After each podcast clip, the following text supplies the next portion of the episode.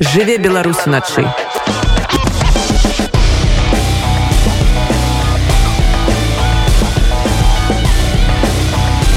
Беларускія ноцы.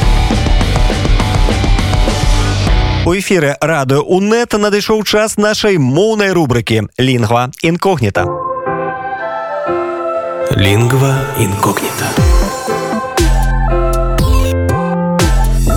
Вітаю шаноўнае гаспадарства ў чарговай праграме пра нашу беларускую мову лінгва інкогніта з вами Андрусь гаёвы.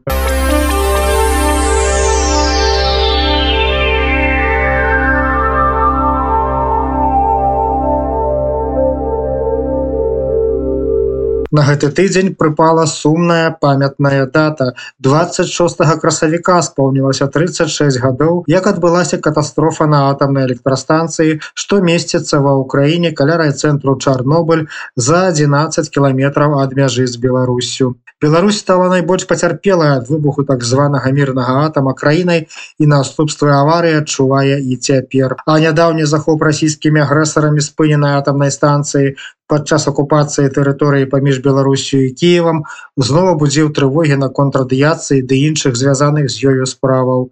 Пра радыяцыйную лексіку мы сёння і пагаворым.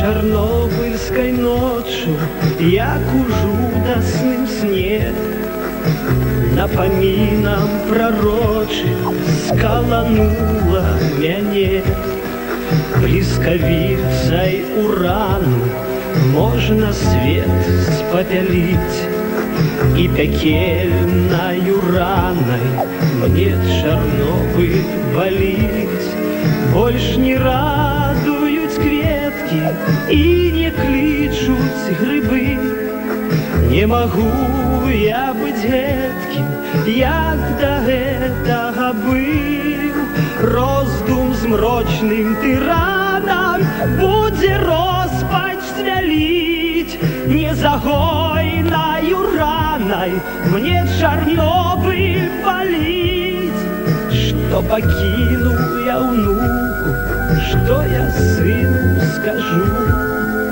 на людзей і навуку я іначай гляджу і віной дараванай гора не аддаліць не влечнаю ранай мне чарновы Баліць Гэта быў урывак з песні Чарнобыль на верш Геннадзя Браўкіна ў выкананні аўтара музыкі беларускага вайскоўца афганца старшага прапаршчыка Геннадзя гармаша. Мы ўжо ўзгадвалі тут некаторыя словы з так бы мовіць радыеактыўнай тэматыкі. Варта яшчэ звярнуць увагу на такія словазлучэнні як радыёактыўнае забруджанне і радыёактыўнае забруджванне. Як слушна казаць, А і так, і так можа быць слушна ў залежнасці ад сэнсу, які трэба перадаць. Калі мы гаворым пра працэс, падчас якога тэрыторыя забруджваецца радыяцыяй, то гэта забруджванне. А калі пра наяўны на тэрыторыі ці ў нейкай прадукцыі ўзровень радыяцыі, то ўжываем выраз радыёактыўнае забруджанне. Напрыклад, забруджанне тэрыторыі цэзіем 137 альбо стронцыем 90 ці, напрыклад, палоніем альбо радыёактыўным йодам. Заўважце, што пры напісанні гэтага слова ў нашай мове першая літара ё, якая абазначае два гукі першы з якіх е. Таксама звярніце ўвагу, як слушна вымаўляць выраз зона адчужэння альбо адсялення. Падчас уплыву на арганізм радыёактыўных ізотопаў адбываецца апраменьванне, ні ў якім разе не апраменьванне. Ад крыніцы радыяцыі выходзіць радыёактыўнае выпраменьванне по-расійску излучение. На паперы ва ўсіх раёнах, якія зазналі на сабе радыеактыўнае забруджанне, зараз працую сістэмы радыяцыйнай аховы. Гэта такі комплекс мерапрыемстваў, якія скіраваныя на радыяцыйны кантроль і пры патрэбе ўжывання захадаў для таго каб наступствы радыеактыўнага ўздзеяння былі мінімальнымі. Калі ж гэтага дасягнуць не атрымліваецца з'яўляецца вялікая рызыка развіцця ў жыхароў забруджаных тэрыторыяў прамянёвай хваробы альбо пры менш цяжкіх наступствах могуць быць анкалагічныя захворванні А улічваючы тое, што адбылося апошнімі месяцамі падчас вайны рассіі супраць Україніны, у кожным доме варта мець адмысловыя прылады, якія дазваляюць вымяраць узровень радыактыўнага забруджання альбо на запашанай дозы радыяцыі, радыёметры і дазіметры. Увогуле пасля таго, што чарнобыльская аварыя нарабіла з нашай украінаю, здавалася б, што беларусы назаўжды атрымалі прышчэпку ад таго, каб пускаць на сваю тэрыторыю нешта ядравае ці атамная бо ад уплыву радыяцыі прышчэпку атрымаць пакуль немагчыма. Але як аказалася гэта беларусы. А вось некаторыя іншыя якія кіруюць цяпер нашай украінаю збудавалі проста ў беларусе новую атамную электрастанцыю. Таму рызыка паўтарэння чарнобыля по-ранейшаму захоўваецца і не выключана што разгледжаныя намі сёння словыя выразы могуць яшчэ спатрэбіцца. Але я вам зычу каб іх нам ужываць больш ніколі не давялося. а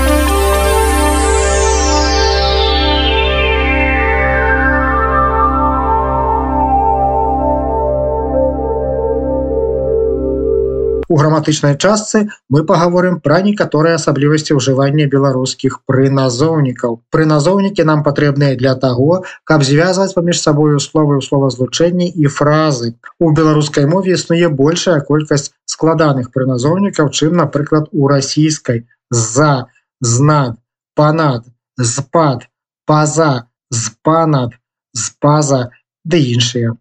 Некаторыя прыназоўнікі маюць два або больш варыянтаў. У у ва ва к к з са над нада пад пада акрамя акром апрача апроч паміж між каля ля і гэтак далей. Разгледзем некаторыя спецыфічныя выпадкі ўжывання беларускіх прыназоўнікаў Варта зазначыць, што ёсць прыназоўнікі, што ўжываюцца толькі з адным склонам. Гэта прыназоўнікі дзеля, абапал, пра, паза ды іншыя. Іншыя ж могуць ужывацца з двума і нават большай колькасцю склонаў, напрыклад, такія як на, па, з, у. Прыназоўнікі А, чым і у, што пры перадачы часавых адносін выступаюць як сінанімічныя. У апошні час прыназоўнік А набывае ўсё большую папулярнасць сустрэцца а сёмай сустрэцца ўсем са словамі грыбы ягады рыба трэба ўжываць прыназоўнік у пайсці ў грыбы Ну гэта калі маецца на ўвазе пайсці ў лес збіраць грыбы. Калі ж мы ідзем у краму тады мы ўжываем прыназоўнік пайсці па грыбы не варта ўжываць прыназоўнікі па і з калі мы кажам пра збор грыбоў у лесе бо гэта русізмы. Абапал па абапал чаго вакол каго чаго. Абапал мае значэнне па абодва бакі абапал дарогі. Не блытаць з вакол значэнне якога з усіх бакоў кругом чаго-небудзь. Вакол дома раслі ліпы. Пра каго што і аб кім чым пра ўласцівы для беларускай мовы. Ўжываецца звычайна пасля дзеяслова ўмаўлення думання гаварыў пра бацькоў аб пашырыўся ў беларускай мове пад уплывам расійскай і ўжываецца звычайна ў афіцыйнай мове то бок назвах законаў пастановаў ды іншых дакументаў. Напрыклад закон аб мовах дарэчы адзіны які прыняты на нашай мове. Дзеля каго чаго для каго чаго дзеля адпавядае расійскаму рагі або из-за раблю дзеля цябе. І часам можа замяняцца прыназоўнікам для раблю для цябе. Аднак трэба памятаць што такая падмена магчымая не заўсёды. Сшытак для пісання нельга замяніць словазлучэннем сшытак дзеля пісання між каго чаго паміж кім чым. Радзей каго чаго Ніж ужываецца ў прасторавым значэнні звычайна з родным склонам. Між палёў. Паміж можа выступаць як сінонім да між паміж палёў, але пераважна ў канцылярскіх тэкстах пад уплывам расійскай мовы замацавалася яго ўжыванне з творным склонам паміж справамі. Праз каго што, цераз каго што, скрозь каго што. Праз і цераз выступаюць у большасці выпадкаў як сінонімы. Праз дарогу цераз дарогу. Аднак калі гаворка ідзе пра рух паверх чагосьці звычайна ўжываецца прыназоўнік цераз пераскочыў цераз плод А калі вядзецца пра рух знутры чагосьці паміж чымсьці праз. Праехаў праз браму. Калі ж мы говорим пра стан дзеянне якое змяняецца ці суправаджаецца іншым дзеяннем тады будзем ужываць скроз альбо праз. Смех скрозь слёзы. Смех праз слёзы. Па кім чым каго чаго пасля каго чаго паводле каго чаго за кім чым. Прыназоўнікі па і пасля з'яўляюцца сінанімічнымі калі абазначаюць часавыя адносіны. Сустрэліся па абедзе сустрэліся пасля обеда прыназоўнік паводле ужываецца замест па які пашырыўся под уплывам расійскай мовы калі азначае в адпаведнасці з згодна з паводле інфармацыі. Прыназоўнік па адпавядае расійскаму за ў мэтавых канструкцыях. Пайсці па сына значыць пайсці паклікаць сына. Канструкцыі з праназоўнікам за ў беларускай маюць значэнне следаваць за кімсьці чымсьці пайсці за бацькам след прыназоўнік за таксама служыць для вызначэння адлегласці прасторы пры словах з колькасным значэннем за 5 кіламетраў ад горада. Ужыванне канструкцыі у 5 кіламетрах ад горада з'яўляецца парушэннем нормы. Дарэчы, пасля прыназоўніка па ў канструкцыях з прасторным значэннем правільным з'яўляецца ўжыванне местнага склона ў адзіночным і множным ліку. Глядзець па тэлевізары хадзіць па лясах і палях. Хаця і гэтая апошняя канструкцыя прыўнесеная ў нашу мову з расійскай. У нас больш слушна казаць хадзіць лясамі і палямі пры кім чым побач з поруч з кім чым. Каля ля каго чаго Гэта ўласна беларускія прыназоўнікі, якія на роўных правах могуць ужывацца для абазначэння прасторавых адносін пры лесе, побач з лесам, каля лесу. Прыназоўнік поруч з ужываецца звычайна пры назоўніках, што абазначаюць асобаў поруч з настаўнікам. Наконт каго чаго, накшталт кшталту каго чаго. Прыназоўнік наконт ужываецца ў значэнні адносна чаго-небудзь, пагаварылі наконт сённяшніх падзеяў. Варта не блытаць пры назоўнікам накшталт, які паказвае параўнальныя адносіны, напісаў нешта накшталт кароткай п'есы. Да каго чаго к каму чаму. Да паказвае набліжэнне да прадмета прыйсці да сяброў.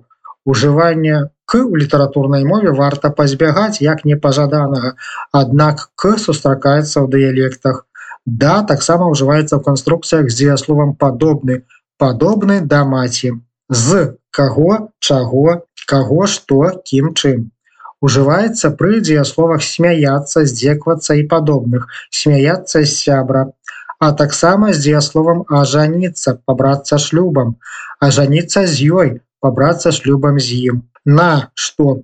Пасля дзеясловаў хварэць пакутаваць ужываецца прыназоўнік на хварэць на каранавірус на таксама выкарыстоўваецца ў канструкцыях тыпу раз на тыдзень шмат разоў на год. Ужыванне замест гэтага расійскай канструкцыі з праназоўнікам у не з'яўляецца слушным.